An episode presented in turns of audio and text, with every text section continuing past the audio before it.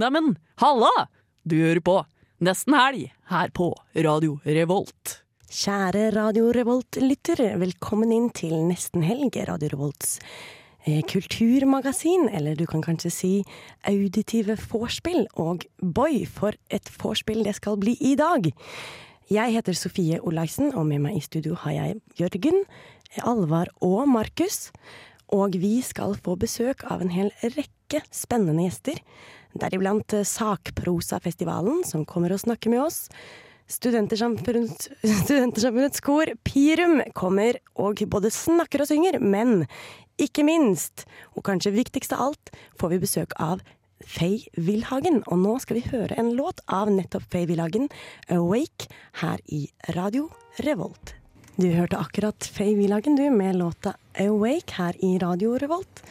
Og det var ikke tilfeldig, for her i studio, live med oss, har vi faktisk Fay Wilthagen. Nå sa jeg det rett, gjør jeg ikke det? Jo, men det hørtes ut som du sa det fordi du trakk deg, på en måte. Ja, jeg skjønte i stad at det er Wilthagen Men det er også Fay. og Fay. som du sa nå, på en måte som nesten var feil i forhold til det du sa i stad. ikke sant? Men, eh, men jeg godtar alt. Ja, nei, takk skal du ha. Så raus Det er veldig raus raust. Takk skal du ha. Du, Fay. Ja. Du ga jo ut ditt debut, debutalbum i 2015, og siden det så har du hatt en veldig sånn rask eh, stigende kan du si, popularitetskurve. Eller blitt veldig populær ganske fort. Du var nominert til Spellemannsprisen i 2015, Mm. og så fikk du eh, Edvardprisen i 2017, kanskje det var? Husker du ikke. Eh, nei, ikke heller. Nei, men det er fint. Det Eh, er men, kjempefint, ja. men hvordan har det vært å oppleve dette her? Altså en så rask eh, popularitetskurve. Det er et fint ord. Ja, popularitetskurve. Nei, popularitetskurven som vi kan se her, ikke følger aksene mellom Y og X, ser vi nå veldig bra, og så går det bare nedover. Nei da, men eh, jeg vet ikke mm, Det spørs jo om man tenker populær, da. Om man blir mer og mer populær hos de du er som er glad i deg fra før, eller sånn at flere og flere s- sier hei til deg. Sånn. Jeg tenker at flere og flere Altså de som er glad i deg, de er jo veldig glad i deg. Så det er ikke sånn på skolen liksom, at du blir mer og mer populær, men for samme gruppe. Ja, du har jo fått flere og flere følgere, eller flere og flere sånn fans, da, som Jeg det heter. tuller med deg. Ja, men eh, ja, det har jo på en måte gått fort, men det har jo gått liksom ganske sånn organisk også. For vi har jo liksom spilt Vi begynte jo sånn 2013 liksom med å spille litt, og så litt mer, og så litt mer. Så det har vokst på en måte ganske sånn gradvis. Så var det veldig stort da når plutselig liksom Warner og Spellemann og sånn kom på banen. Så var jo det veldig heftig. Ja. Men, eh, men det har likevel liksom alltid vært liksom en ting som har ført til den neste. Sånn at det har føltes ganske sånn naturlig hele veien. på en måte. At liksom «Å, 'Nå har du spilt her, da er det naturlig å prøve å spille der neste gang', da. Ikke sant? Sånn at eh, jeg tror det er mange som opplever kanskje enda bråere popularitetskurve, da. Det kan være. Sigrid, for eksempel. Eller liksom når man går fra å være helt stille til å plutselig liksom bang. For jeg tenker om din fanskare, at de er så glad i deg, og så glad i musikken din. Ja, da- er glad i hverandre, og det tar tid å bygge så, en sånn relasjon. En sånn relasjon, ja. Så jeg føler jeg er veldig glad i alle de som er med på reisen nå. Jeg føler vi er en gruppe mennesker som er Som jeg også kan liksom kjenne igjen fra by til by Også, da. Så Så hvis noen, hvis vakten er sånn Vi må ha sånn her, så sier jeg nei, nei, nei. Mine, mine venner er ikke sånn. Men det, det må være deilig også at det er litt mer en reise, at du ikke bare skytes ut i rommet. At du mm, klarer å holde litt mer kontroll på alt, egentlig. Når, du, når det skjer litt mer naturlig. Absolutt. Men da tenker jeg at du må skrive, eller du skriver jo da musikk som folk kjenner seg veldig igjen i. Hvordan går du frem når du skriver? Eksempel sånn som nå, når du har skrevet en ganske ny plate som kom ut i september. Ja.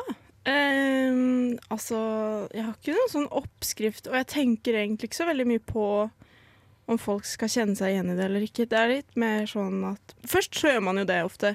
Og hva vil publikum like? Hva vil eh, radio like? Hva vil altså, mamma og pappa like? Og så må man liksom bare droppe det, da, og så begynne å skrive for seg selv. Ja. Så det er jo egentlig på en måte hovedleksen jeg har lært hver gang egentlig jeg begynner å skrive nye ting, er at man umiddelbart blir liksom veldig formet av alt som skjer rundt. da.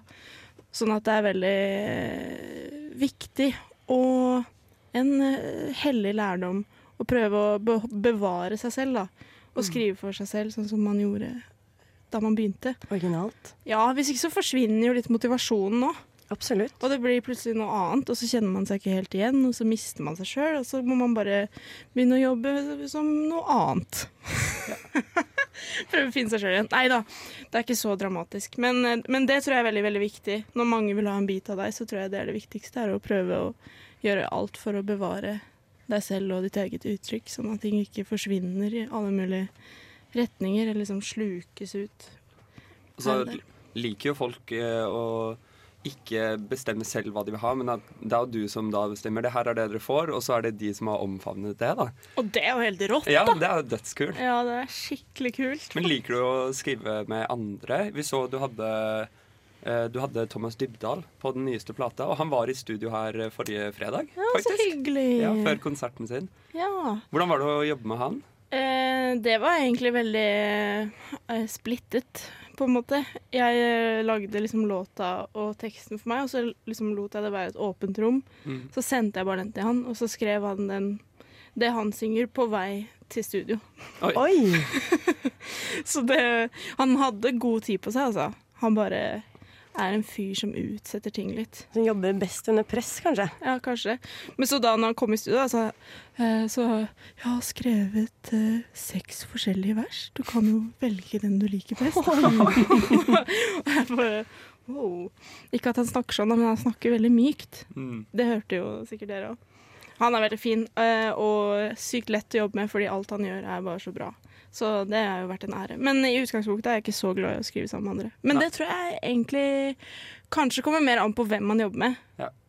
Du er jo her i dag fordi at du skal spille på Samfunnet i kveld. Ja. Og hvem er det du har med deg da? Er du helt aleine, eller har du med deg noen flere på scenen? Å, jeg er heldigvis ikke helt alene. Det føles godt å være en gruppe som støtter hverandre, som på camp. Eh, Jeg har med meg en som kanskje dere kjenner her i Trondheim, som heter Kristoffer Lo. Også Håkon Dalen, som også er fra Trondheim, styrer lyd. Mhm. Og så er det Jonas Barsten, spiller trommer. Og så er det en som heter Andreas Haga, som er fra Grimstad. Han spiller bass. Og så er det Marte Eberson, som spiller keys. Hun tror jeg er fra Oslo. Jeg lurer på om hun kanskje også er fra Grimstad, faktisk. for Jeg lurer på om jeg kjenner henne. Fun fact fra meg. Ja, Sofie er også fra Grimstad. Helt stille. Ja, det er helt stille. Hæ, men hun snakker jo veldig bokmålsk. Ja, eh, Riksmålsk. kanskje hun er fra Risør. Men eh, i hvert fall, eh, da kan eh, publikum glede seg veldig, kan jeg tro.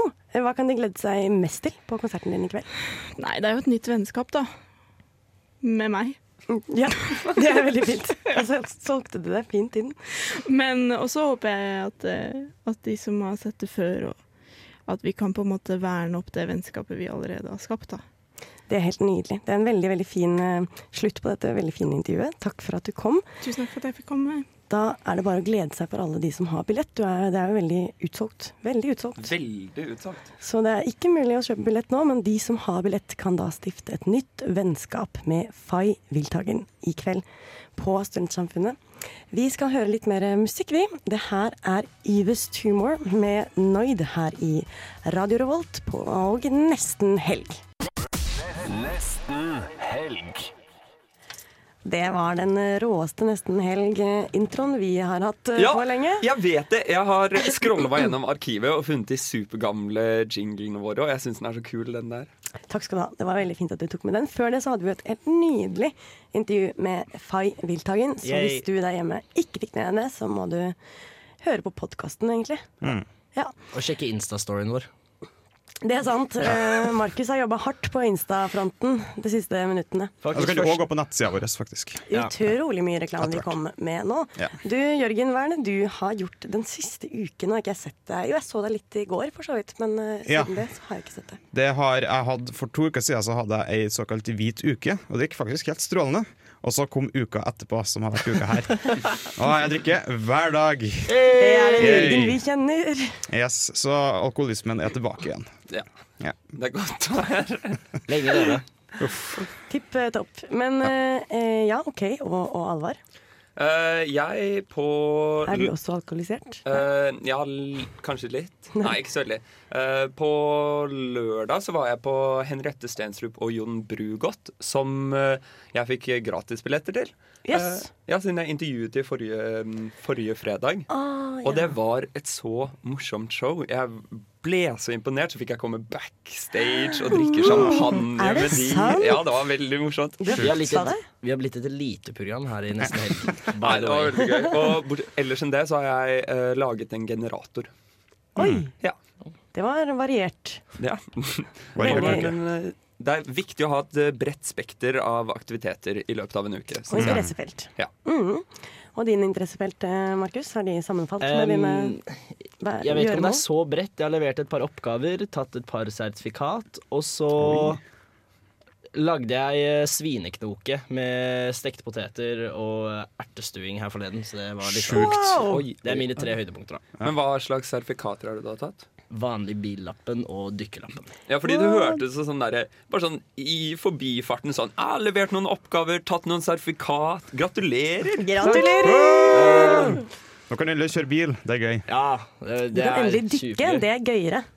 Det er, jeg, jeg, på eksamensstykket mitt så gikk jeg på kamskjelljakt. Fikk en sånn svær motherfucker på en sånn, eh, ny, sånn mellomstørrelse tallerken-size. Det er- Spiste den rå på brygga. Det følte meg skikkelig halvviking. Fordi instruktøren min måtte åpne for meg. Så det var ikke så kult. Men Å dykke er så morsomt. Det er skikkelig Jeg gøy. elsker det. Er du dykker, Jørgen? Jeg har aldri prøvd å dykke. Nei, for resten av studio nå er dykkere. Så vi skal ha undervannssending snart. Så hvis du kan preppe noe utstyr til, um, er undervannssending. til sjøbadet, Ja. så er vi good. Jeg skal se hva jeg får til. Men deg da, Sofie, har du fått dykka noe siden sist? Vet du hva, Jeg planlegger å kanskje dykke på søndag. Kanskje du skal melde deg på det? Er det med havsport? Eh, nei. Ja. Det er med student, NTNU Studentdykk. Ja, for jeg skal sende, ja, det jeg skulle sende i melding. Det har jeg glemt å gjøre. Mhm. Det er fint å vite for alle der hjemme at du har glemt å sende melding til Studentdykk. Det er bra. Eh, siden sist, eller nå nylig, så har jeg avsluttet min praksisperiode! Endelig ferdig. Takk skal dere ha. Det var deilig. Vi avsluttet det med eh, Compleaños Feliz, originalversjon fra jeg tror 78, Melodi Grand Prix. Eh, sånn unge folk i hippe, fargerike klær som danset crazy Compleaños Feliz-dans. Vi hadde glemt eh, bursdagen til en elev. Eh, men eh, de syntes det var veldig rart. Jeg syntes det var veldig gøy. Og de var sånn Hva er det vi ser på? Men de hadde fått boller av meg, så de var glad. Allikevel. Da Da, tar de det de får. De tar det de får. Nei, Det var hyggelig å høre hva dere holdt på med siden sist. Godt å vite at alt står bra til. Vi skal høre litt eh, grann mer musikk. Dette her er The Modern Times med Dementia.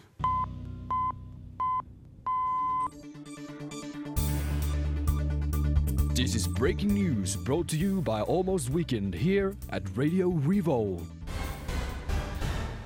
Vær redde, alle Nei, glem det. det er Ikke så farlig. Eh, ved mindre du er den norske stat eller Erna Solberg eller noen som har med Norges relasjoner til Øst-Asia å gjøre. Fordi i en Universitas-artikkel her forleden så leste jeg at en gruppe taiwanske studenter skal saksøke Norge. Wow! Wow. Hele Norge? jeg, jeg tror det blir sånn den norske stat, men ja, det sto bare Norge.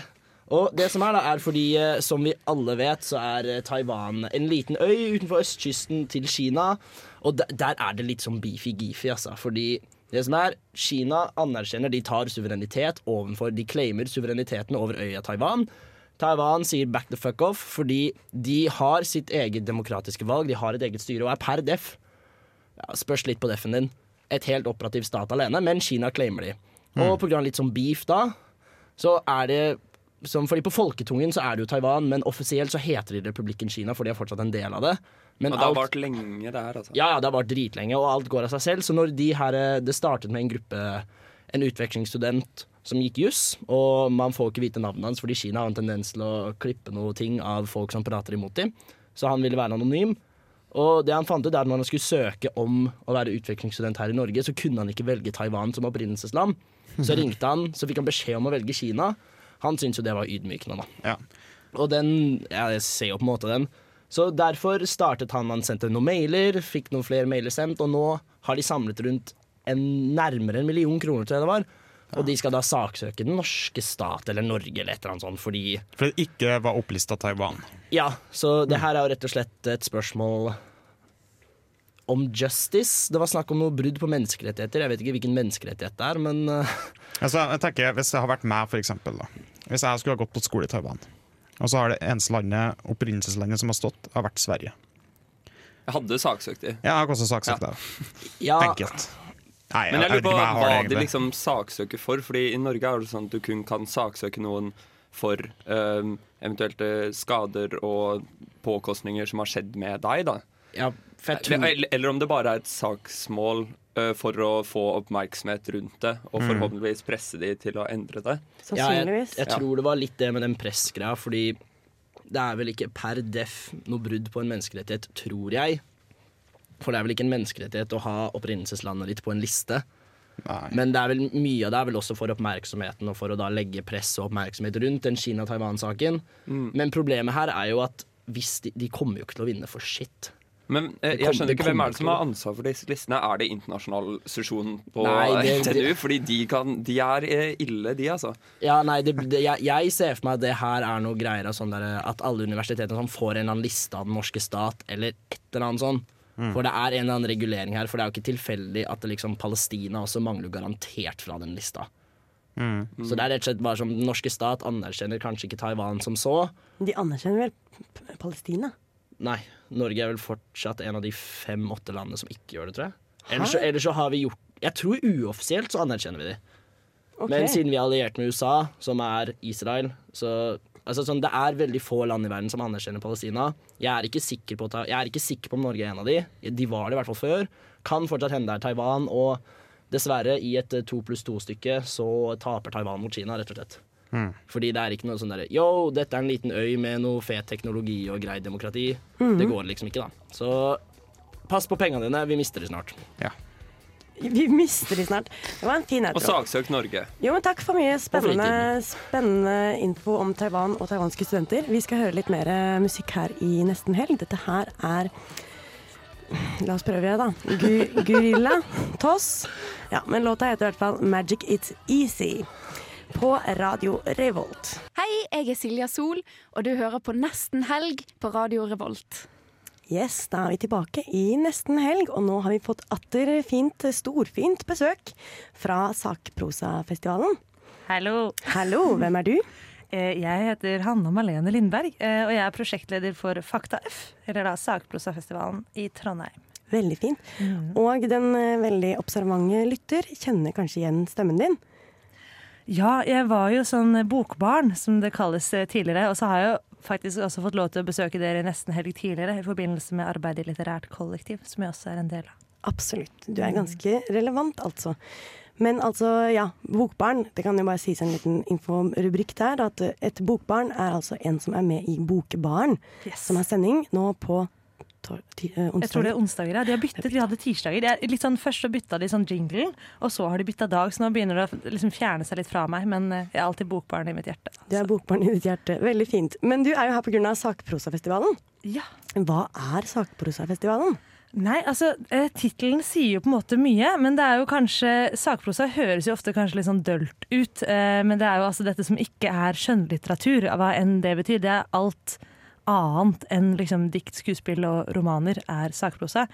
Og det er faktisk også noen som driver og beveger seg litt i grenseland mellom disse tingene, så det er litt vanskelig, men det er jo bøker som tar for seg gjerne ting fra den virkelige verden, da, hvis man skal si det sånn, som Ja. informerer og gir folk fakta om diverse saker som hender og skjer i denne store kloden og universet vi er en del av. Veldig fint sagt. Og da kan du jo si at en vante student vil jo lese veldig mye sakprosa hver dag. Hvorfor skal denne studenten gå på Sakprosafestivalen?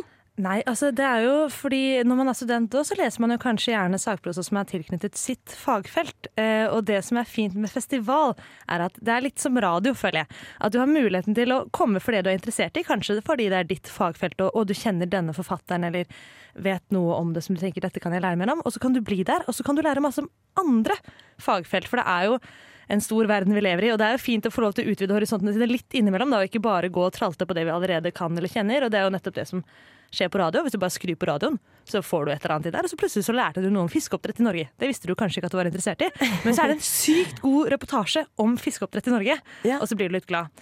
Og det tror jeg litt kan skje på Sagprosfestivalen nå. Jeg har jo også i forbindelse med at jeg jobber litt på Litteraturhuset i Trondheim, sittet i denne juryen for NTNUs litteraturpris, som deles ut i kveld under Sakprosfestivalen. Ja.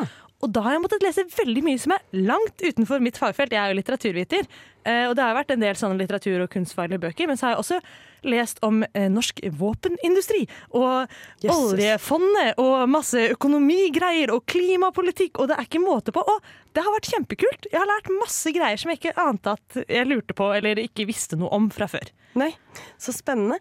Eh, og nå nevnte du jo NTNUs eh, litteraturpris, som deles ut i kveld, sa du. Ja, det er faktisk bare Det er sånn rundt klokka åtte, tror jeg, så får man vite hvem som er vinneren. Vi har jo sluppet de fire nominerte, Ja. så de kan man allerede liksom undersøke. Eh, men vinneren avsløres nå først i kveld, så det er for alle som er liksom litt interessert. For det er jo sakprosa igjen. Det høres kanskje, kanskje litt sånn tørt og kjedelig ut, men ved å lese til denne prisen, så er det er jo så mye kult. Og de bøkene som er nominert, det er Dag Hol med 'Fredag er det beste'. Og så er det Marit Påske med 'Hanna Ryggen en fri'. fri. Eh, Morten Søberg med 'Ekofisk Eidsvoll' og Maria Berger Reinertsen med 'Reisen til Bretton Woods'. Og alle de verkene er veldig kule ved at de er ikke bare sånn og så skjer dette og dette og dette, og her er faktaene på bordet. Men de skriver veldig veldig godt, og de bruker seg selv i skriften. Og de har liksom anekdoter og eksperimenterer med sakprosa på forskjellig vis. Da Søberg han skriver essay, eh, og Dag Hol og Reinertsen de er veldig mye med som personer inn i bøkene sine og liksom skriver ut fra sine ståsted. Og det er kjempe, kjempefint gjort. Så det Altså, åh, dere burde bare få det med dere. For da er det også sånn at disse verkene skal diskuteres først av et sånt panel, før man kårer vinneren. Så du får vite litt om alle fire, og så etterpå får du ekstra dypdykk i vinneren. Det er spennende, så da er ikke sakprosa bare sakprosa, sånn som du sa. Nei, det er jo nettopp det det ikke er. Det er jo også faktisk et eget eh, programpunkt på det her i morgen på festivalen. Eh, For det er jo dette med grenselandene mellom skjønnlitteratur og sakprosa. Vi har jo denne virkelighetslitteraturdebatten som går hele veien, og det er på en måte noe av det samme her. At det finnes folk som skriver sakprosa på diktform. Og hvordan dette funker, og da er det da Ane Farseth som er kulturredaktør i Morgenbladet, som skal snakke med Jon Jamtli, som skriver eh, tegneserier som også er liksom faktabasert, men med noen kontrafaktiske grep inni.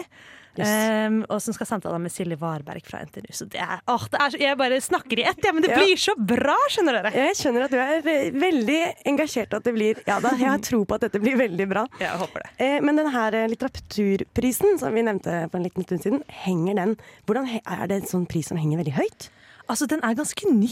Eh, NTNUs litteraturpris, altså. Ja, den ble gitt ut for første gang i fjor, og da ble den gitt ut i et skjønnlitterært verk. Så det er, for det er annethvert år, så det er første gang noensinne Oi, at den deles ut i et faglitterært eh, verk, eh, denne prisen.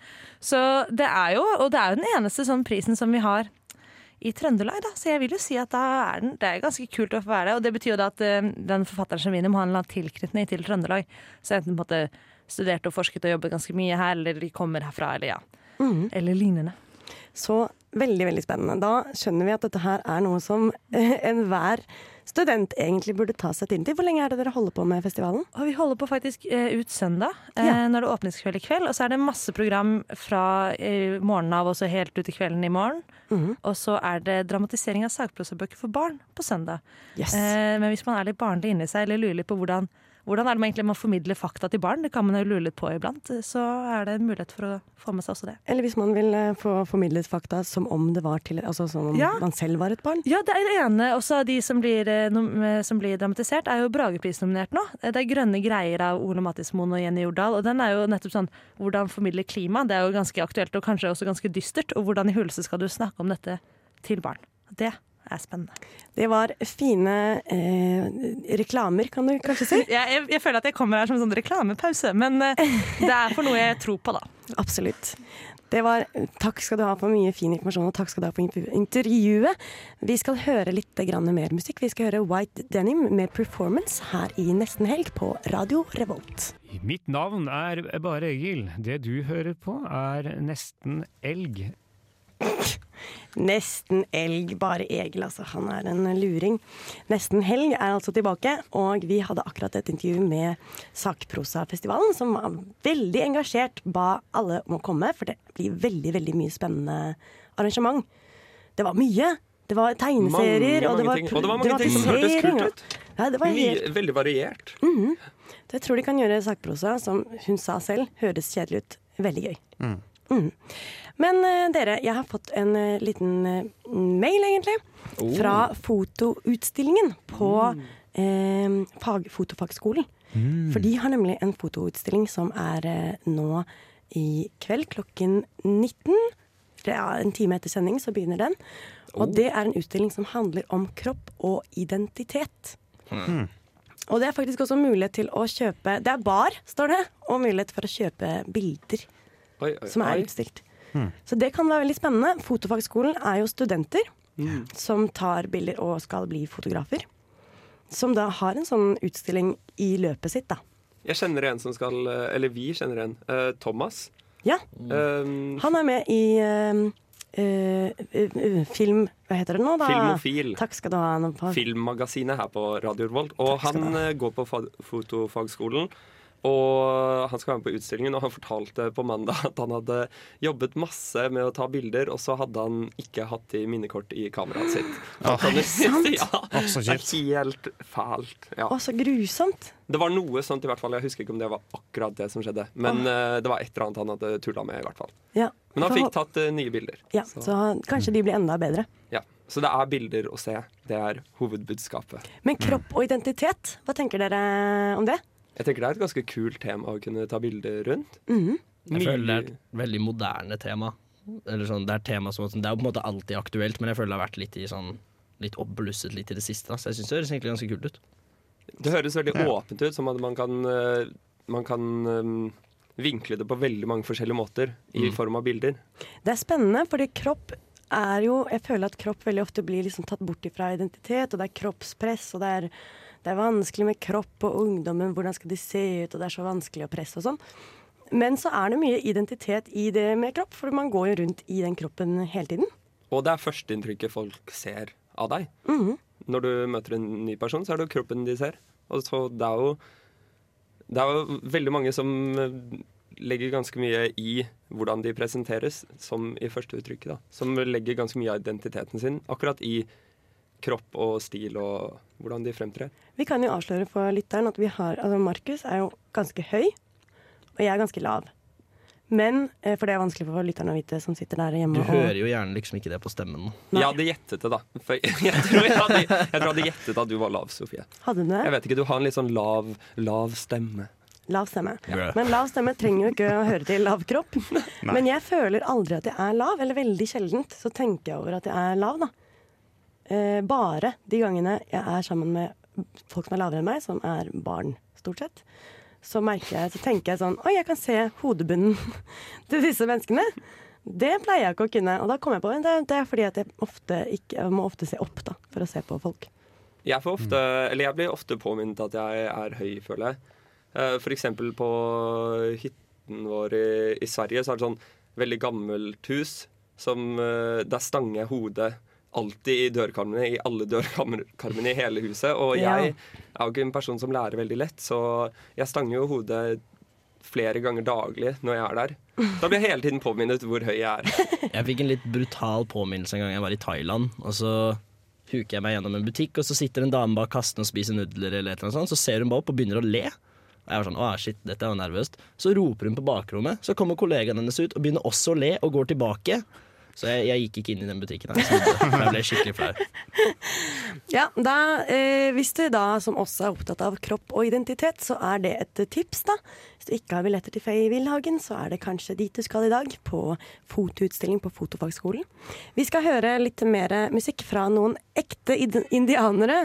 Et ferskt, rykende ferskt Oslo-band som har denne låta her som heter Korea. Her i Nesten Helg på Radio Revolt. Jeg tror de kan høre oss.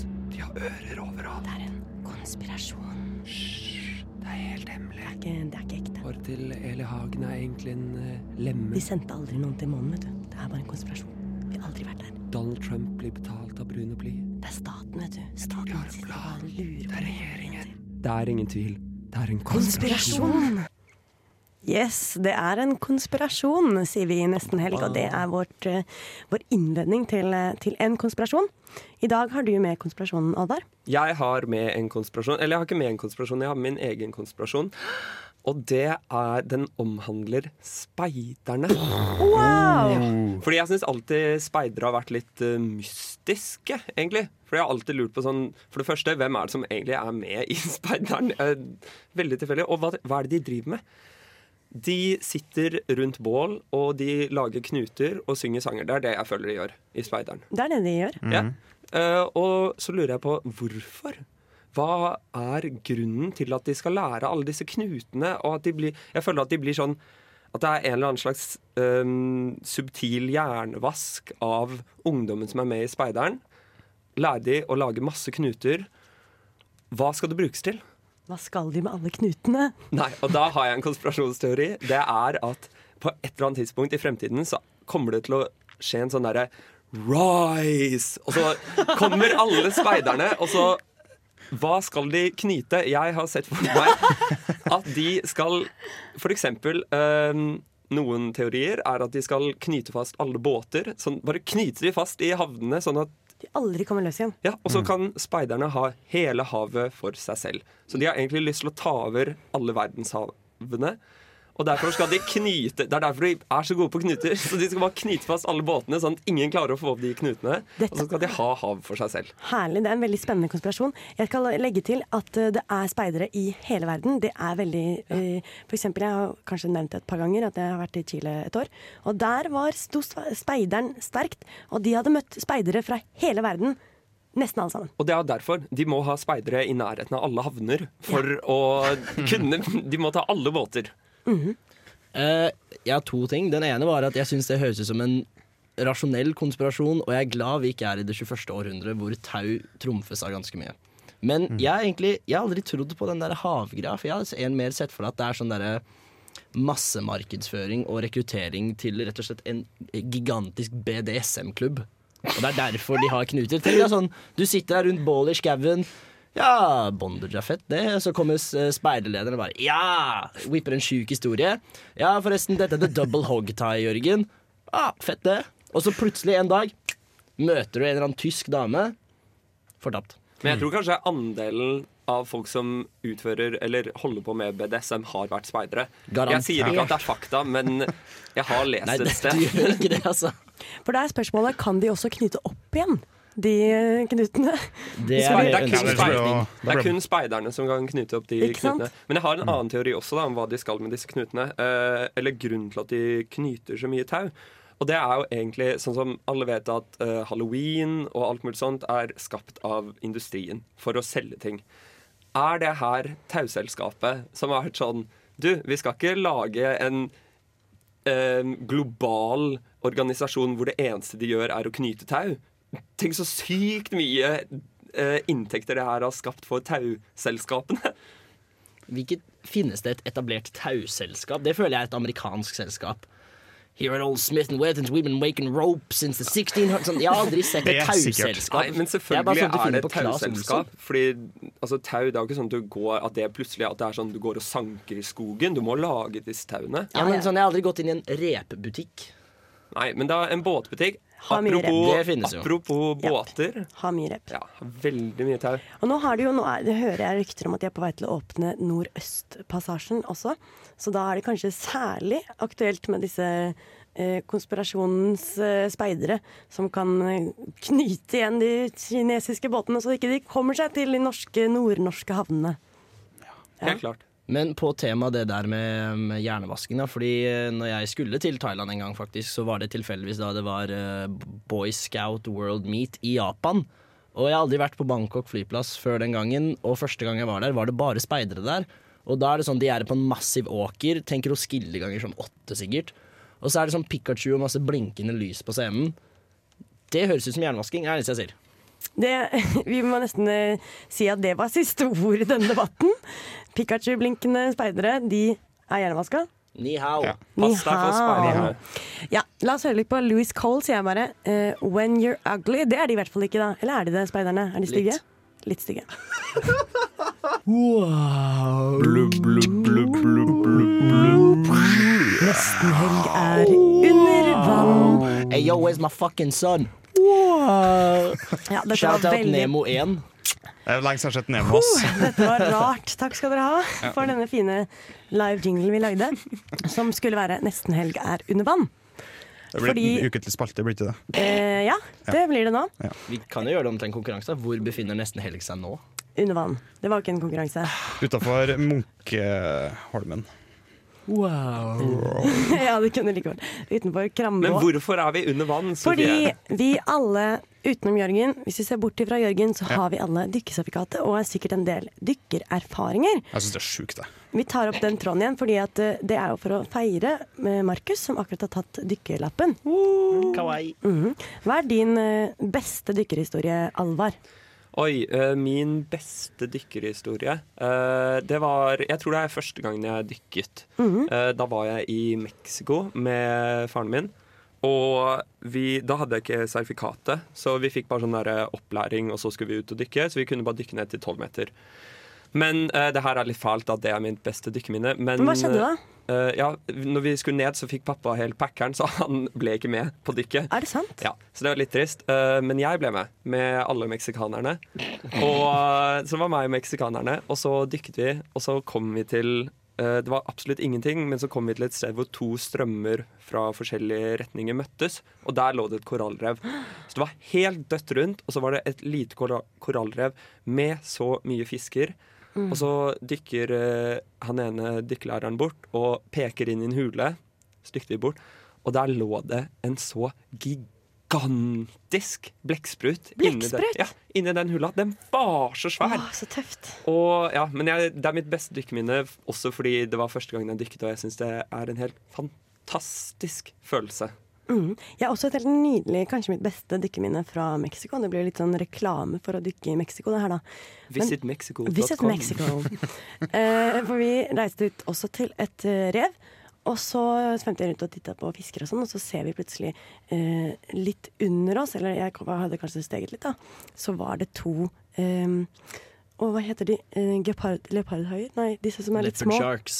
De som er litt små. Ja. ja. eh, som lekte seg da, veldig tydelig. Og så svømte jeg kanskje litt ned for å titte litt nærmere på dem. Og så tenkte de dette er en eh, vennlig person, tenkte de. Et vennlig vesen. Så de begynte liksom å svømme rundt meg. Oi. Og jeg var helt sånn rolig, for det blir man Jeg føler man enten blir helt rolig, eller så får man packeren som pappa eh, under vann. Fordi man er bare med sin egen pust. Går sånn Så det er bare det.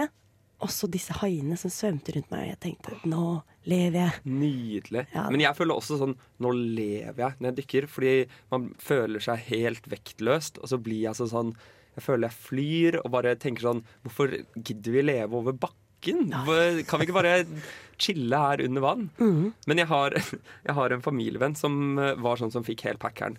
Og hun skulle dykke i mm, Australia, på, ved Great Barrier Reef. Og der finnes det en sånn underjordisk klippe hvor det er, eh, hvor det er ganske er grunt. Og så plutselig så dropper det ned 3000 meter. Og hun hadde med seg luft som skulle vare i 1 12 time. Og den varte i 15 minutter fordi hun begynte bare å hyperventilere. Ja. Fordi hun har kjempehøydeskrekk, så det er faktisk mulig å få høydeskrekk under vann. Oi, det er interessant. Ja. Ja, det kan jeg skjønne, egentlig. Det var fint. Skal du si en liten dykkereferanse til, Markus? Det så ut som du Å ja, tenkte på ja, noe. et- um, ja, eh, jeg kan jo ha Det var, eh, det var første dykket mitt etter jeg fikk uh, lappen. Så er jeg liksom ute og dykker. Det er uh, liksom rolig, og så kommer vi liksom til en brygge, da. Eller, vi visste jo på en måte at den var der, men det var når vi kom til bryggen, så går vi mellom de to her, um, to av de pilarene som står i vannet. Og så går vi liksom helt inntil, da. Men så kommer vi liksom til et sånn Ikke et slør, men det er på en måte Det er et barriere der rett der hvor brygga er, hvor det er helt mørkt. Jeg så faktisk ingenting. Og det er noe av det mest sånn derre Det er noe av det som mest freaky jeg har vært med på. Men var det eksistensielt på en litt sånn god måte også? At du er sånn Her er jeg alene i mørket med min egen pust. Nei, jeg hadde jo med meg Joakim, da. Men det var bare helt sjukt, fordi jeg så faktisk ingenting. Og, så jeg, og siden du var på dykkermasken, så har du litt sånn begrenset syn. Og det var, det var bare sånn Det tar, tok hele den vektløsfølelsen til en helt ny greie. da for jeg- Dimensjon. Ja, for det var bare helt sånn Det var en sånn skikkelig ut av meg selv-opplevelse. Og da skjønte jeg hvorfor vi faktisk gidder å bo på land. da For å ta oss tilbake igjen. Ja, det var en fin liten uh, dykkereise vi dro på nå. Vi skal høre litt på Isak Shorty her i nesten helg. Det her er en låt som heter 'Blomst' feat. Andrea Haugeland. Og dette er faktisk en ålesunder, han derre Isak Shorty, så det kan dere tenke på. Som eh, legger opp til lengsel etter grønt gress og lyse kvelder i november. Ja, ja, men det skulle godt. Det er party, party, fun, fun. Herlig. Det er Party Party Fun Fun. Vi er fire minutter inn i den femte timen denne dagen etter klokken tolv. det var avansert. Ja, vi er fire minutter over klokken fem, som da er Party Party Fun Fun. Timen av nesten helg. Sånn er det. Det var bedre. Og nå håper vi dere hjemme der også har startet partyet Som i, jeg på kjøkkenet eller eh, i øra.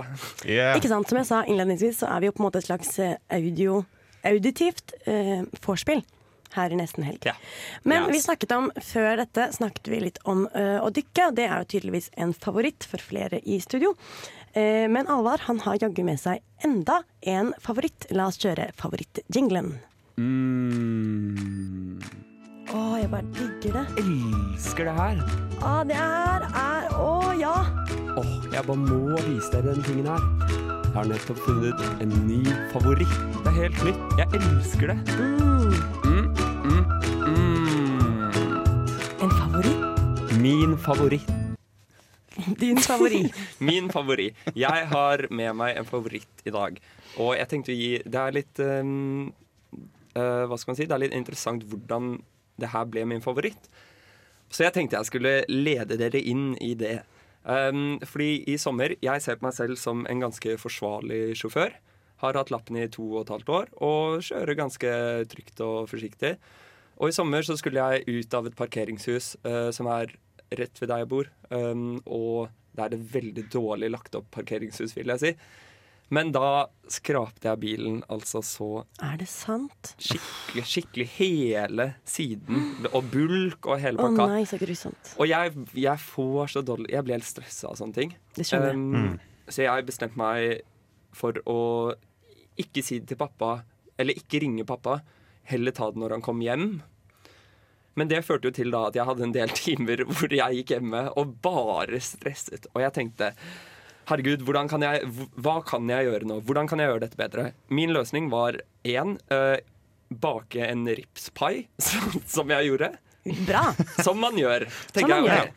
La meg presentere denne paien til pappa, og så kan jeg fortelle noe om at jeg har uh, totalskrapa bilen. Kunne han ikke se det når han kom hjem? Den, jeg satte den inne i garasjen. Ja. Lurt. lurt. Men så gjorde jeg en ting til. Jeg dro på butikken, og så kjøpte jeg Eller jeg skulle bare handle, og så så jeg eh, noe som het franske sjokoladetrøfler. Ja. Og de her, jeg må si det til lytterne våre, de er så gode. Og så koster de bare 40 kroner for 200 gram. På, de selges kun på Rema 1000. Jeg tror det er Rema 1000 sitt eget merke. Hm. Men 40 kroner for 200 gram. Hvis du vil være fancy på budsjett, kjøp disse sjokoladetrøflene. oi. Og de har jeg jo selvfølgelig med i studio. Hey! Så jeg tenkte dere skulle få smake. Jeg Nå elsker er at det- knitrer. Nå sendes de rundt. Men hva er, hva er en trøffel for noe? Eh, Det er en sopp som. Eh, nei, vokser under bakken. Ja. Altså, en trøffel er jo det som griser finner frem, og så er det veldig dyrt, for det er veldig vanskelig å finne de og sånn. Eh, Men sjokoladetrøffel? er ikke en sopp. Nei, det er ikke Den bare trøfler. ligner på den soppen. Ja, altså Fordi det er ikke trøfler i Trøffelolje. Oh, skal vi prøve samtidig, eller hver for oss? Ja, vi, jeg teller dere inn, og så får dere ta en bit. Okay. Tre, to, én. Mm. Ikke sant? Den er så god! Det er en reise i smak. Og man bare, Det beste jeg synes med den, er at du bare smaker hvor mye smør det er i de, fordi de er skikkelig juicy. Ja. Ja, mørk sjokolade. Ja, Det er eh, faktisk 75 mørk sjokolade sjokolade. Dæven, da er det jo nesten sunt. ja, tenker jeg også. Jeg ble Mm. nesten litt rørt i tårer. Nei, eh. Nei, jeg leste faktisk på pakken, og den er ikke så sunn. Det er 75 eh, mørk sjokolade av sjokoladen som er oppi. Men det er fortsatt Mm. 35% sukker. Så oh, ja. det er Men ikke hvor bare sunt. mye av denne Hvis noen av dere husker sånne store klinkekuler, ikke sånn boccia-størrelse, men sånn de store Ja, Den som er litt større enn den mindre. Ja, ca. tre kvart størrelse av den, kanskje, vil jeg si den er. Og hvor mye av den er sjokolade? Uh, det Så du det? Er jeg usikker på. For jeg kan se for meg at vi Um, rocker en sånn 40% sjokolade her, og resten er smør. Det står kakao, kakao Det her blir veldig spennende for lytterne å høre på. Kakaomasser 36% Så er det Det var nesten 40. kokosfett, og så er det kakaosmør Ja, og kakaopulver. Og det, er, Ja, det var det er mye. litt, litt mer enn 30, da. Men de var faktisk skikkelig Men gode. for lytteren, hvis dere skal ha som sagt, hvis dere skal ha gjester og vil imponere, så kjøper dere Oro franske sjokoladetrøfler på Rema 1000. Hån, Hån, hån. Det var en, en, god, en god favoritt, det må jeg si. Ikke sponsa. Mm, ikke sponset. Eh, hva skjedde til slutt med pappa og bilen? Um, nei, det som skjedde var at han kom hjem, og så um, søsteren min ringte han og sa det fordi jeg var kjempestressa på telefonen til henne. Så ringte hun pappa og sa sånn Du, Alvar har skrapet bilen ganske kraftig. Mm. Og så kom han hjem og hadde åpnet opp garasjen øh, og sett inn, men da hadde han sett på feil side av bilen, hvor det var noen sånn bitte små riper. Ja. Uh, så han Mm. kom jo inn og var sånn Nei, men herregud, Alvar, det her var jo ikke så ille. Og så skjønte jeg ingenting, så jeg var sånn Hæ? Det var det! og så morgenen etterpå så gikk han ut, og da så han jo på riktig side. Så da, da var han jo Herregud, du har jo skrapa hele dritten! Men det gikk veldig fint. Han sa jo han sa, nå har du gjort det, og nå har du lært en lærepenge. Å, for en god far. Sånne fedre burde alle ha. Jeg håper at uh, The New Respects også har sånne gode fedre. Eh, ja. Det er i hvert fall de vi skal høre på nå. De har 'Before The Sun Goes Down' er låta deres, og vi hører på den her i Nesten Helg på Radio Revolt. Mitt navn er Vegard Harm. Og mitt navn er Morten Ekseth. Og du hører på Nesten helg. På Radio Revolt. Revolt. Og nå, kjære lytter, vil du ikke tro hvor mange flotte, fine karer vi har fått inn i studio. Det er helt nydelig. Hele Studentersamfunnets eh, eh, småkor, eh, Pirum, har kommet inn til oss. Ja, det er faktisk Det er en av de best kledde sardinboksene jeg har sett i hele mitt liv. De ser skikkelig kule ut, og vi er skikkelig mange. Og vi kan vel begynne rett på. Petter og Julian, Pirum, dere har nettopp kommet med et nytt album, 'Revolvergutt'. Det- og Det stemmer. det er jo da seks år siden sist, og jeg leste jo litt, fordi dere skal selvfølgelig spille Eller jeg vet ikke om dere kan kalle det Dere skal synge, dere skal fremtre i dag på Studentersamfunnet klokken 23. Og det, jeg aner et litt sånn snev cowboy, kanskje? Ville Vesten? Ja, du kan si det. Vi eh, skal jo synge i Storsalunen, og så har det vokst noen kaktuser der i det siste. Og eh, vi kommer i hvert fall til å stille i cowboyuniform. Det er tøft. Det høres jo utrolig kult ut, fordi det var en annen ting jeg fikk med, for jeg prøvde å gjøre litt research, da har vært litt flink, og det sto at dere ikke bare er en gruppe som er fine å høre på, men dere er også fine å se på. Og hvordan er det da å legge opp til sceneshow når man er et kor, og når man ikke er For det er jo ikke det største koret i verden, dere er jo ikke 200 pluss, liksom. Hvordan får dere til det, da, den kombinasjonen med at dere må selvfølgelig ha lyd og sceneshow? Hvordan funker det? Nei, vi, som du sier da, vi prøver å legge opp til at uh, det skal ikke bare være gøy å høre på. Og uh, når vi har spilt inn plata, så har vi hatt utrolig mye fokus på det musikalske. Men det ble vi ferdig med for et par måneder siden. Så siden det så har vi jobba med å showe og hoppe og sprelle og eh, svette i hjel kitten vår. Så at, uh, det føler jeg at vi har klart skikkelig bra. Så vi er ganske, ganske selvsikre på det showet vi skal levere i kveld. Det høres jo utrolig kult ut. Og Står dere for egen koreografi, eller får dere noen fra NTNUI Dans? liksom? Å kalle det koreografi, det er å, det er å dra på. Eh, nei, altså, vet du hva? Vi må bare lytte til hjertet. Det er det vi gjør. Mm. Det høres jo egentlig jævlig kult ut. Men gå litt tilbake på kanskje Pyrum i seg selv. Dere ble jo starta opp i Eller kanskje ikke dere som individer, men Pyrum ble jo starta i uka 65. Altså da 1965. Og det er litt lenge siden. Men da antar jeg at Pyrum har fått på seg noen kule tradisjoner. Og er det noe dere kan dele her med oss, eller en av de kanskje morsommere greiene sånn sett? Ja. Banken er jo Ja, banken kan vi snakke om. Vi har jo en egen, eh, vi har jo et eget land som vi fikk av eh, Trondheims ordfører i 1991. Og det er eh, Pirumbanken, som er alt land, som er til syne når Nidelven er på sitt laveste. Så det er den, den ser man fra Elgseter bro, så kan man se et Pirum-flagg der. Så vi, vi håper jo selvfølgelig at, eh, at Nidelven skal tørke ut, for da eier vi de facto hele verden. Og det, det har vi et signert skjøte på fra Marvin Wiseth. Av og til Det så er er jo dere der også, faktisk. Det har jeg sett. Ja, vi er der på, på immatrikuleringsdagen. Så spiser vi middag på, på Pirumbanken. Altså hjemme, da, som vi kaller det. Så da tar vi med gummibåter, og så kjører vi over bord og stoler og et treretters måltid. Eh, og koser oss der, da. På den krigsflåten, eh, galeien, er jo eh, Ja, Galeien Galeien, mener du? Ja, ja, ja. Det høres jo egentlig sykt kult ut. Og dere har jo også et ganske noterbart antrekk, da med nikkers Det ser ut som en blazer, studentlue og raggsokker. Har den endret seg noe siden 65, eller er det samme gamle? Det startet som eh, et blestekor og gikk i smokingjakker og underbukser. Jeg sier vi, men de. Eh, vi er alle sammen venner. Um, og så har det utviklet seg til den man har liksom På beina har man litt uformell eh, gammelt skiantrekk, og så har man den veldig formelle sjaketten. Så vi, det passer perfekt til enhver anledning. Og veldig, veldig pen studenterlue, skal sies.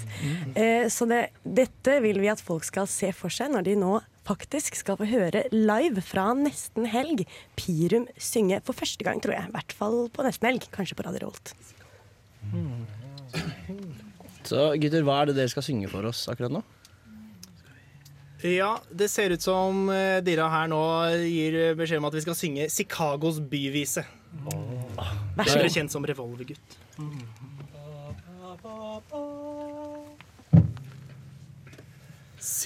Chicago, du drømmende skumringsby. Ved bredden av Michigan-vannet. Deilig om kvelden og i morgengry. Må jeg sanne, må jeg sanne. Deilig i dårlig vær, da smeller det så det trønner her. Og med solen over by, over by kan du pumpe han full av bly. Og Chicago, mitt Chicago. Chicago, deg lengter jeg alltid til. Du fyller mitt bankende hjerte. Der vet jeg bestandig hva jeg vil. Jeg vil knerte. What? Jeg vil knerte.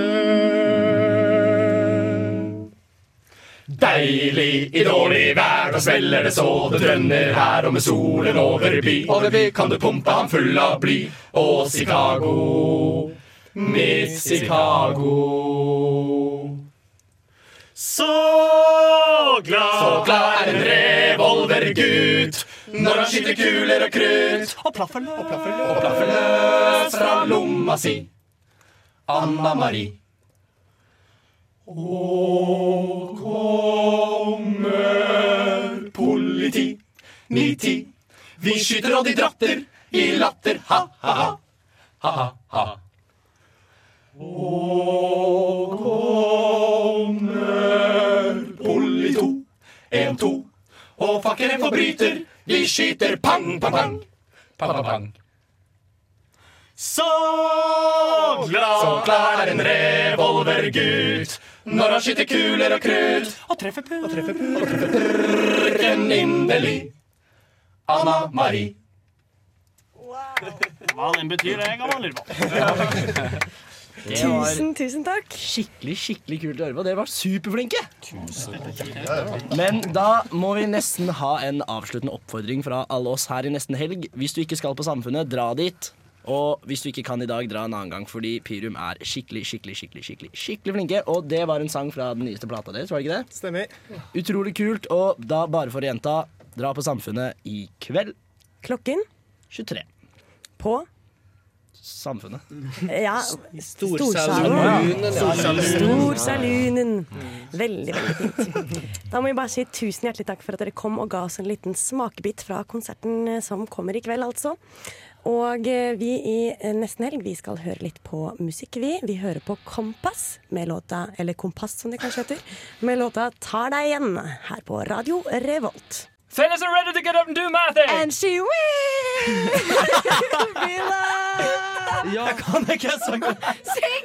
Syng bare høyere! Prøv Ja, men jeg må ha det høyere her på dere. Let's get it started, ha, let's get it started. Stor alpakka, hører du ikke? Gjett hva jeg synger, da! Baby!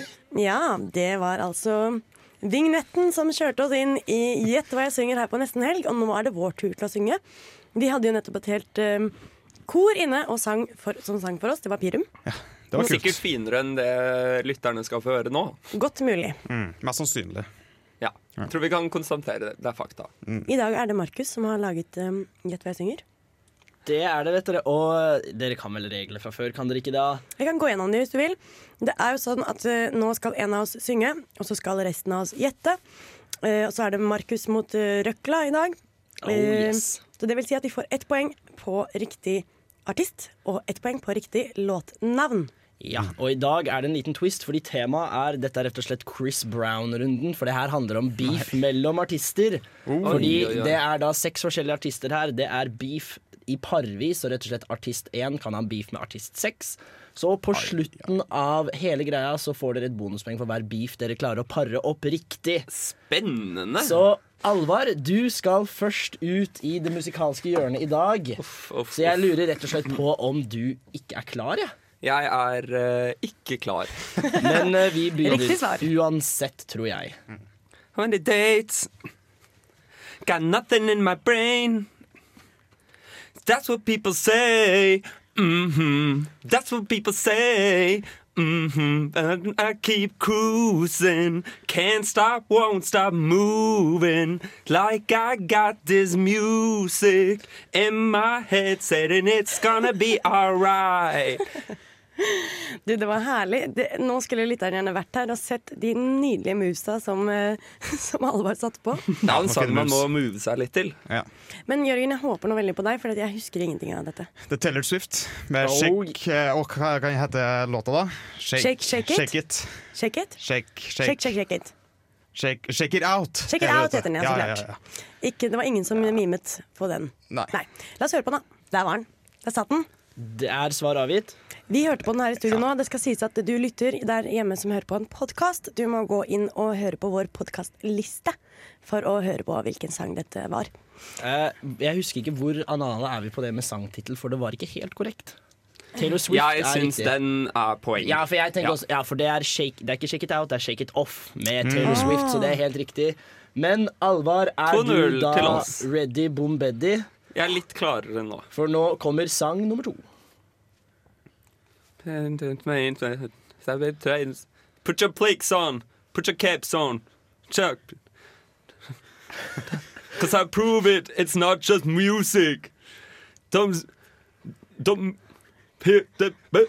Why you all in my ear talking about some shit that I'm not trying to hear? you don't know me like that.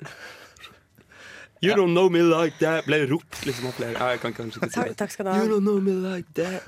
Eh, Jan. Jeg kan bare komme med en liten sånn disclaimer der eh, mye artistbeef går på sånn hiphop og rappere. Bare Ja, sånn, det, by er the way. jeg frykter, det er frykte. Ja, nå begynner jeg også å frykte litt på det. Det er så fælt å skulle En ting er sanger, men rapp hvis du ikke kan sangen, og da skal du synge live, det er helt umulig. Det er veldig vanskelig. Um, Har du noe idé, Jørgen? Jeg kan røpe som så at dette er sangen som Tom Cruise danser til i Tropic Thunder. Ja. det hjelper Jeg tror ikke det hjelper en eneste person i hele verden med å gjette. Altså, det hadde hjulpet meg. Okay. Er fint jeg, har, jeg har ingen idé. Nei, hvilken rapper kan vi? JC? Skal Chris Brown. Chris Brown? Ja. Med Det er ikke Chris Brown. Så Nei. bare ta, Bare ta ta ja. eh, ok da, hvis, eh, hvis han var på en Justin Bieber-låt, den første Justin Bieber-låta. uh. Den første store Justin Bieber-låta. eh, Sorry, ass. Jeg har ingenting. nei eh, Det her var Ludacris med Get Back. Jeg må si at det kommer til å såre ditt uh, hiphop-hjerte, Markus, men jeg har aldri hørt uh, Jeg, ikke hørt den, jeg hadde heller ikke hørt den. Det går fint, for jeg, men det som jeg ville ikke ta den mest populære, fordi det er sånn, den kan alle. Jeg vet ikke, jeg kanskje burde gjort Hadde du tatt uh, og spilt av Ludacris sitt vers i uh, Baby, så hadde jeg tatt hele. Ja, men da er jo, da er jo artisten Ja, det, jeg ser Da er jo artisten JB. Men La oss rulle uansett videre. Nå er det altså uavgjort. Ja, det er det, fordi nå skal vi høre på en låt som egentlig er ganske fin. Alvar, er du klar? Ja, litt mindre klar igjen nå, da. Dun, dun, dun, dun, dun. Dangerous. That, that's strange. Gotta start making changes. Dance and move. Dette er så søtt. That's just the way it is. Den! Things will never be the same. Sånn. Ja, Sofie, har du peiling? Nei, jeg har ikke peiling. Ja, jeg har peiling! Men jeg får ikke lov til å lete. Åh. Beklager, Anne, dette her er ikke mitt tiår. Jeg kan ikke musikken. Jeg vet at jeg hørte på dette Den her når det er fra før sendt på 2000. Da. Ja, nettopp. Wow. Jeg trodde du mente tenkte dette tiåret. Nei, mitt tiår er ikke i nærheten av 2000. Ah, Mm. Eller 1990, tror jeg. Eller. Eh, Men jeg kjenner igjen denne fra barneskolen. Da vi sp- hørte på den før jeg gikk på skolen og hørte på P3 Morgen. Har ikke peiling. jeg. Eh, Things will never be the same. That's just the way it is, heter låta. Nei. changes. Changes heter låta. Ja, det ville jeg tippa. Det er helt riktig sangtittel. Er det noen som har lyst til å gjette på artisten? Nei. Eh, Ta, ta, et- tenk klassisk rap. Sånn, sånn Jay-Z. Eminem. JC. Eh, Topac. Tupac. Ja! Yeah! Helt uten hjelp. Det Ja. var Tupac med 'Changes'. Da, le- da er vi tilbake i ledelsen, da. 4-2. det er nå 4-2 til alle andre, altså de som ikke er meg. 4-2 ved pause. Nå er det på tide å høre på noen som eh, også kan synge. Du sang veldig fint, takk skal du ha, Sofie. Ja. Nå, det var Ouch! fin roing. Jeg rodde hardt der, og vi hører på Le Matre med låta eh, Big her på Nesten Helg eh, i Radio Revolt. Før vi skal tilbake, og da er det jeg som skal i ilden. Fellas are ready to get up and do my thing. And she will be loved. Jeg kan ikke sangen. Syng! Syng bare prøv høyere! Prøv Ja, men jeg må ha det høyere her på Let's get it started, ha, let's get it started. Stor alpakka, hører du ikke? Gjett hva jeg synger, da! Baby. Gjett hva jeg synger, da! Gjett, da! Ja, jeg er fortsatt i Gjett hva jeg synger eh, her på Nesten Helg.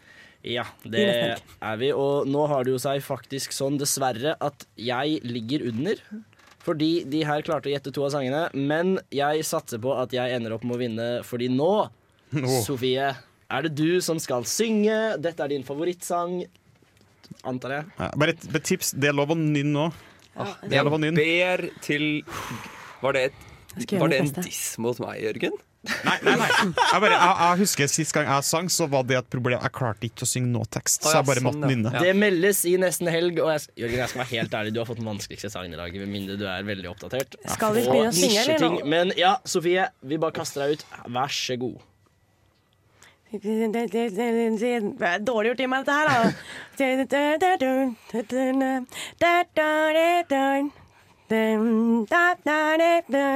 Jeg bare synger denne.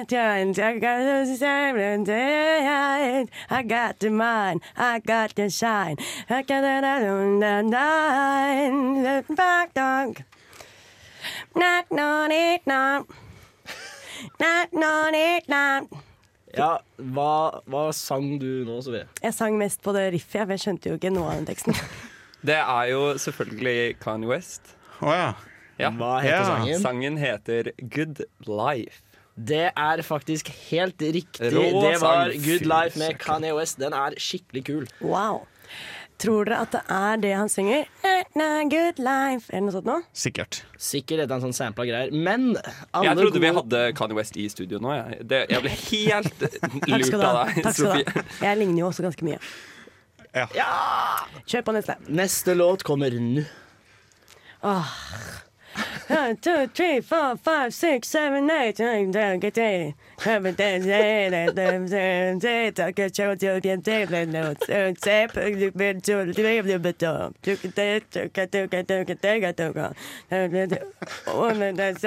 det er helt er Kan vi få noe tekst? Det er jo ikke noe tekst, det er jo bare Hun begynte jo å telle. En, Hun telte, hun telte opp til ti på En, spansk, amerikansk, engelsk. One, two, three, Ok, Sofie gjorde det på spansk, da, men da, teksten originalt er på engelsk. Det var noe spansk der også. Nei, ja Jeg kan ikke huske det, men det går fint. Hvilke sanger er det de teller i der? Det her er en Du stoppa meg veldig tidlig. da Kommer det noe mer? Jeg tenker bare Ja, det den er mer, men du har fått du på, sånn, oh, My baby no. Nei, nei, nei, nei, det er ikke nei, den. Tenk one, two, three, four, five, six, seven, eight, nine. Tenk det. Det er opptellingen. Men igjen, det er litt nisje fra en av de kuleste artistene. Ja. Tenk rap, tenk beef. Jeg har aldri hørt den her før. Hvem er det som har beef med Ludacris, da? Det er ikke sikkert det er med Ludacris. Da. Nei, det er. Chris Brown. Chris Brown. Nei. Nei, vi gjetter Ice Cube. Ja. Det som er, det hadde vært Ice Cube, men så hørte du låta i stad, så nå måtte jeg bytte. Å ja, ja, da er jeg helt blank. Nei, det her var uh, Ten Crack Commandments med Biggie. Ja. Så da er stillingen 6-4 til dere. Nå skal Jørgen Yes, nå skal Jørgen. Nå skal Jørgen ut i ilden på siste sang, og det her var liksom det trumfkortet mitt for å få poeng, da. Fordi jeg liker å sette inn en sånn Du skjønner at ikke det er poenget? Det er ikke poenget at du skal vinne denne konkurransen, Markus. Du Jeg gruer meg så mye. Jeg kan jo ikke rappe. Det blir spennende. Er du klar? Ja, Lykke til. takk.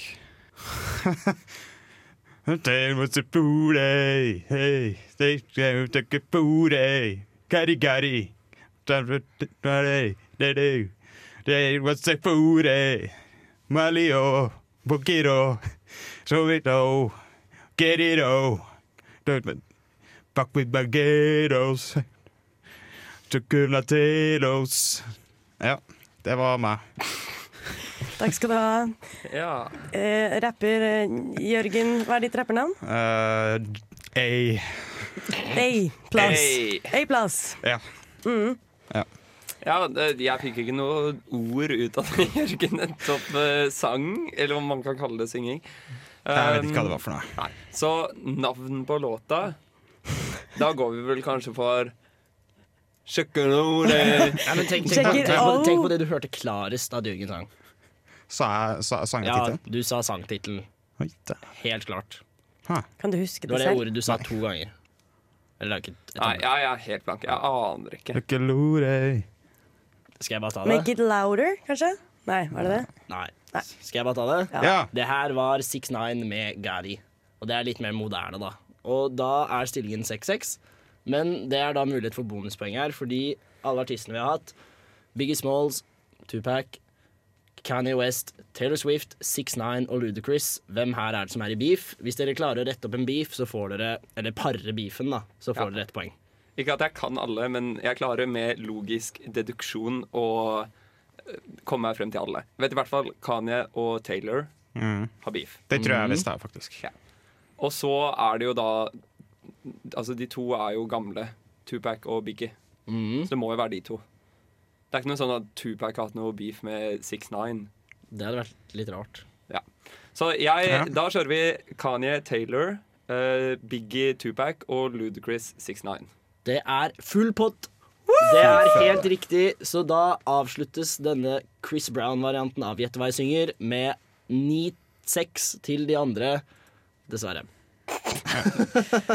Jeg syns vi kjempa bra, jeg, dere. Ja, vi, prøv, vi prøvde i hvert fall. Vi prøvde. Ja, Ja, dere vant jo.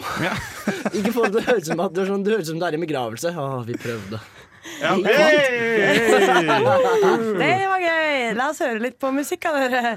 Hva med Jungle, eksempel, med Heavy California her i nesten helg på Radio Revolt. Ja, der hører vi de siste små sirissene i Jungle, Heavy California, her i nesten helg.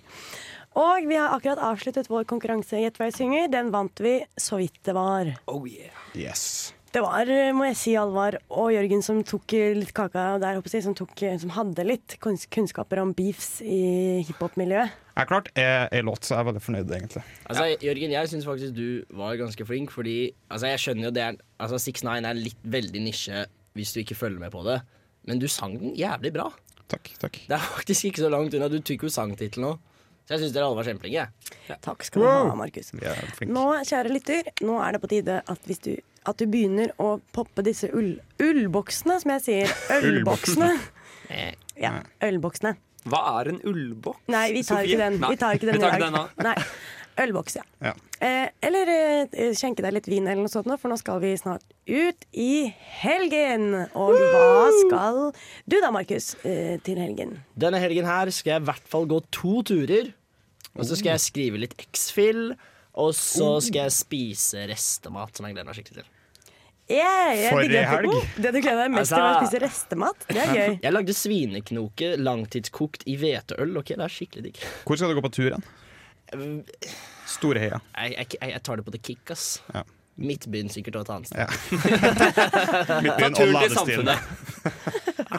Skal gå hjem i dag òg, altså tre turer, faktisk. Oi, det er fint at du har litt sånn lavterskeltur. Ja. ja. Det var det lov, det. Det er lov i helga. To stopp, da. Nei, det er, det er bra.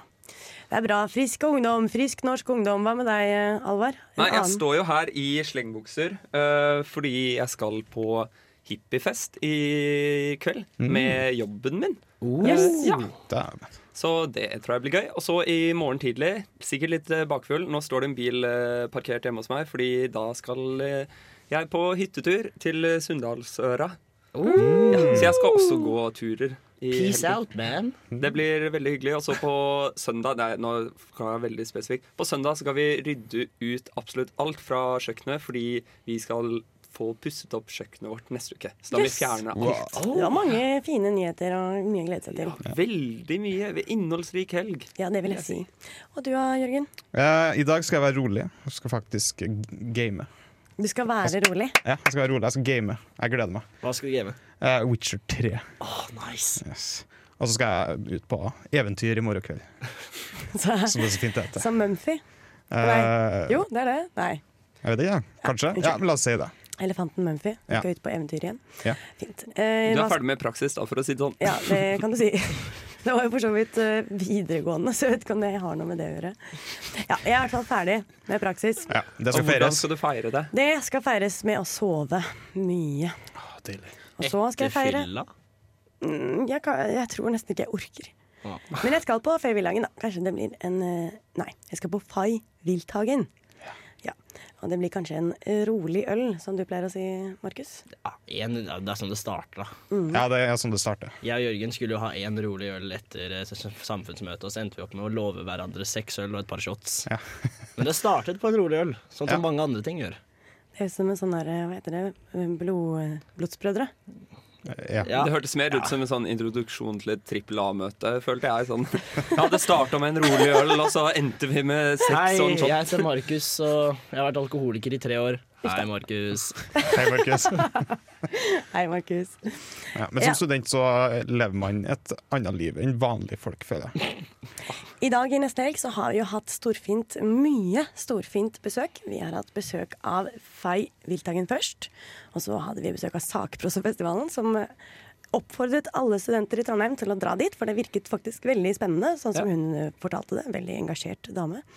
Og så hadde vi besøk av Pirum. Jaggu også, og de sang jo. Så det har vært en veldig artig sending. Men du skal ikke på konserten til eh, Pirum? Jo, kanskje. Da blir det kanskje to rolige øl.